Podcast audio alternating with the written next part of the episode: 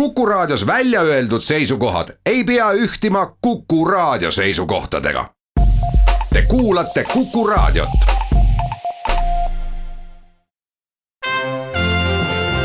Tallinna Filharmoonia esitleb Filharmooniline huvitaja. tere päevast, head kuulajad! täna on muidugi suur rõõm, aga pisut ka võib-olla nukker meel öelda tere tulemast mehele, kes on viimased kuus aastat töötanud selle nimel, et Tallinna Kammerorkestril oleks kõik väga hästi ja pannud sinna oma hinge ja südame. Risto Joos, tere tulemast! tervist!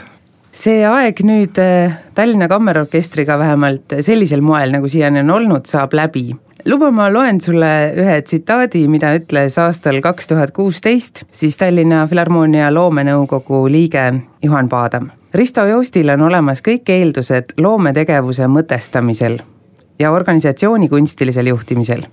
Risto säravad loomingulised ideed, hea maitse, energilisus, väsimatu töötahe ja nõudlikkus nii enese kui kolleegide vastu on olulised isikuomadused Tallinna Filharmoonia juhtimisel ja mis eriti oluline, Birgitta festivali kujundamisel. nüüd see sellisel moel lõpeb, miks nii, Risto? ütleme niimoodi, et ega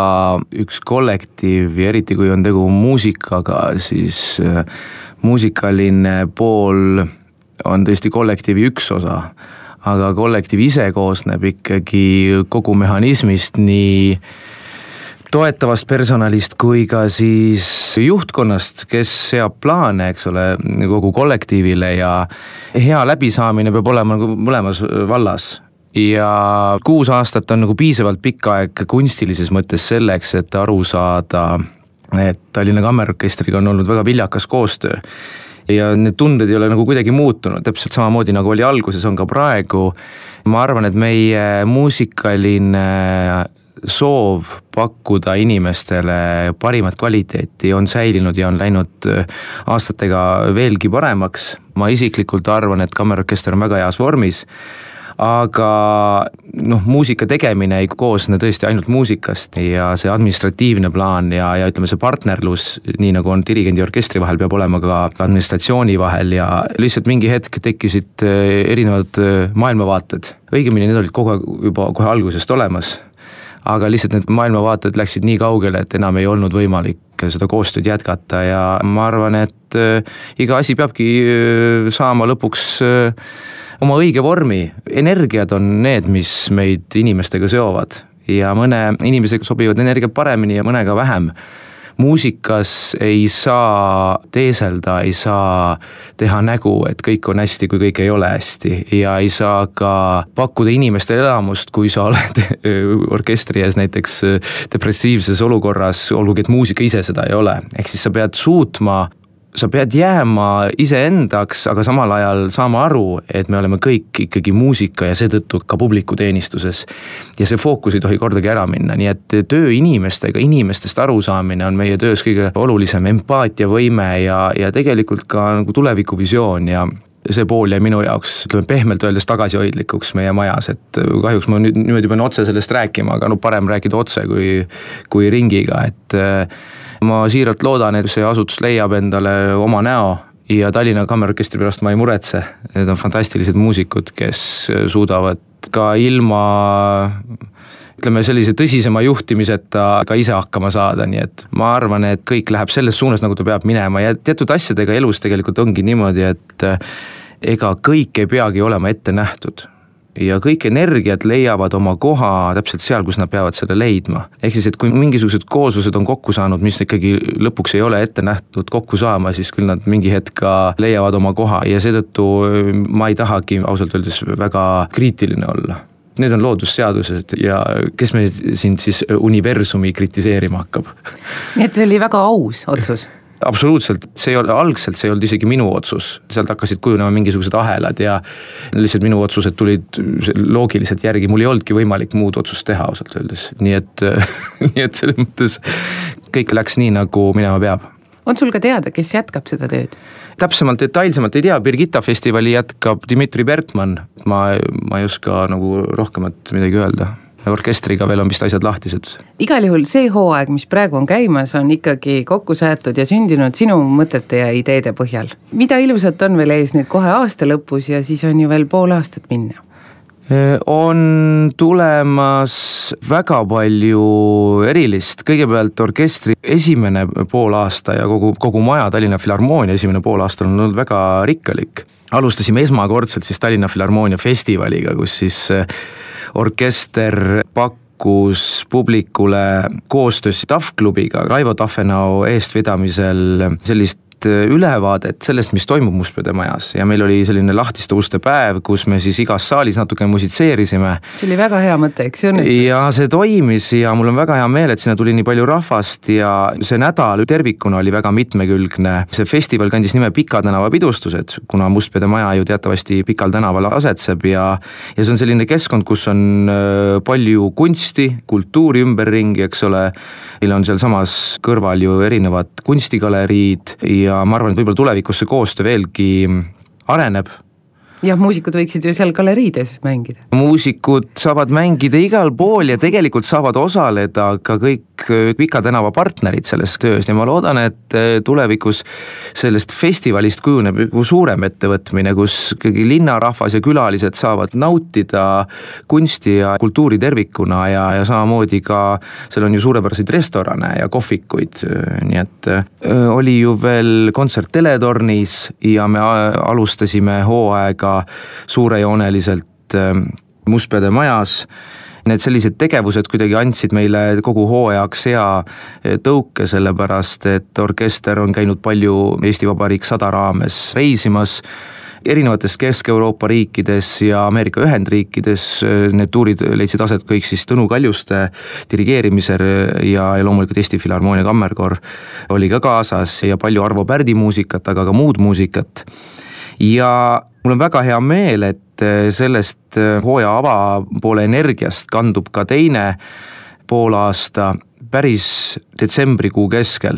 leidis aset eh, nüüd hiljuti just meie üks armastatumaid sarju, sari, kus ütleme, kas kodumaine või rahvusvaheline tippsolist, ükskõik millisel instrumendil, tuleb ja musitseerib orkestri ees. ta on nii-öelda ühest küljest partner, aga natukene ka juhib seda tegevust, sedakorda siis tippsolistide avalöögi andis meie enda kontsertmeistri, Harri Traksmanni poeg Robert Traksmann, kes on nüüd juba mitmeid aastaid Berliinis õppinud. ja orkestri kunagine peadirigent Juha Kangas ehm, kes siis koos musitseerisid ja see sari kandis küll pealkirja Talendid kodus, ehk siis et noor talent Robert Traksmann, kes õpib Berliinis nüüd on ka kodus vahepeal jõuluajal käimas. aga tippsolistide hulka kuulub ta kahtlemata, olgugi et äh, ta veel alles äh, oma esimesi samme solistina tegemas. Ja nüüd me jõuamegi kohe oma järgmise kontserdini kaheteistkümnendal jaanuaril täpsemalt kell üheksateist null null Mustpeade majas astub üles Janne Nisonen, kes on üle lahe Tabiola sinfonieta kontsertmeister ja ühtlasi on ka dirigent ja ühtlasi on ka solist. ja Tabiola sinfonieta, kui Eesti publik ei tea, on Helsingi külje all asuv väike, ütleme Helsingi eeslinn, väga kultuuririkas keskkond ja neil on suurepärane sümfonietorkester, mille eesotsas olen saanud mina ka mitu korda olla ja, ja koos musitseerida ja Janne Nisonen oli päris mõnda aega ka Pori sümfonieta peadirigent ja ise samamoodi solist, nii et me näeme inimest, kes siis juhatab, mängib solistina ja üldse on ansambli partner kogu orkestrile. ja sarnaseid mudeleid me tahamegi publikule pakkuda, et meil on nagu üks inimene, kes on nii-öelda kõikvõimas, juhib, mängib ja nii edasi, edasi, sarnane kontsert tippsolistide sarjast leiab aset teisel märtsil, kus Kolja Blacher, no tõesti legendaarne viiuldaja, kes peaks resideeruma Berliinis, on ühtlasi ka Robert Raksmanni õpetaja. Nii et siin on mingid huvitavad paralleelid, kes ise ka juba dirigeerib, aga eelkõige on tuntud kui suurepärane viiulivirtuoos, ka kontsertmeister varasemalt ja erakordne pedagoog tema siis astub orkestri ette teisel märtsil ja näeb taaskord sellist mitmekülgset muusikut, kes põhimõtteliselt teeb laval muusikalises mõttes kõike. sellest samast sarjast ehm, kohe paar nädalat hiljem, kahekümne esimesel märtsil astub orkestri ette Peter Spiski,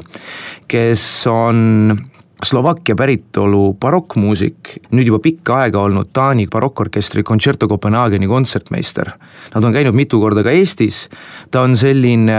natukene Paganinit meenutav viiulivirtuoos, kes samamoodi mängib solistina, juhib orkestrit ja on tõesti vaimustav muusik kui ka inimene, nii et tema energiast on, ma arvan, juba päris mitmed mängijad Eestis osa saanud ja need, kes käisid eelmisel tema kontserdil, kui tuli ettekandele Hendeli Messias,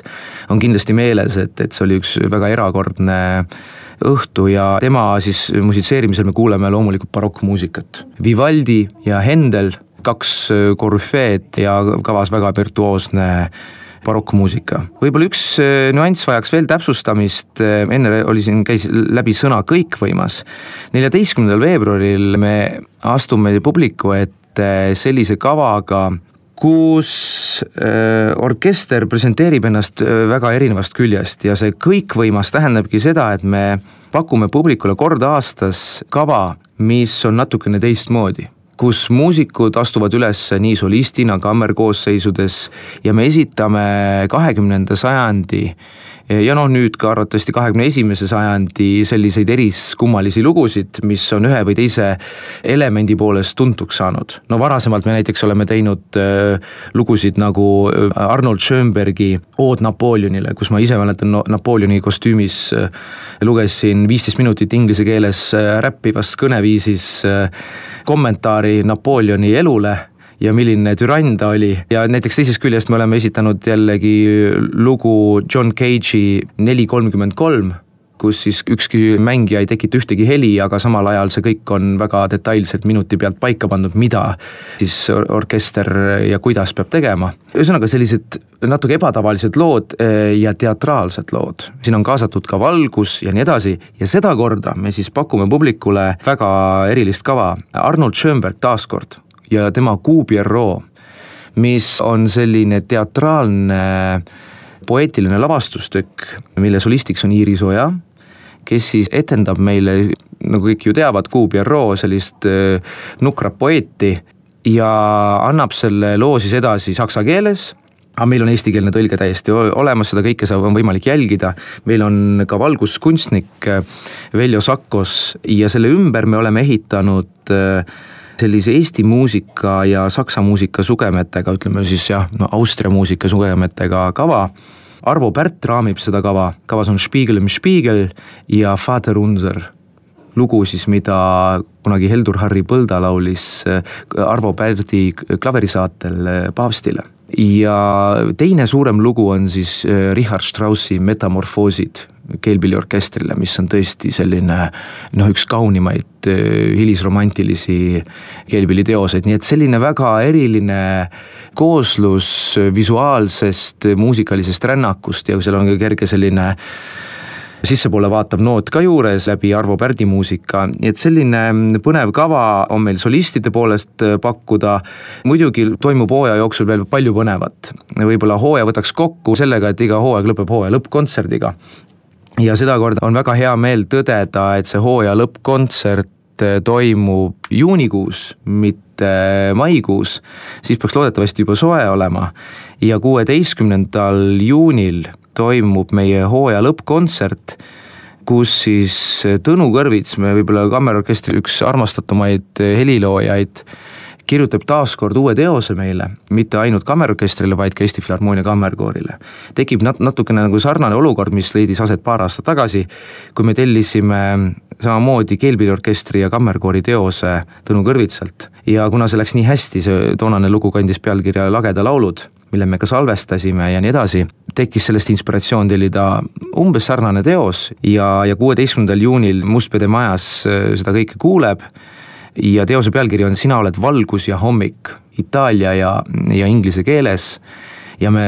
plaanime selle teose ka salvestada, nii et publikul on kindlasti võimalik seda mingi hetk ka juba kodus kuulata kõike muud detailsemalt saab loomulikult lugeda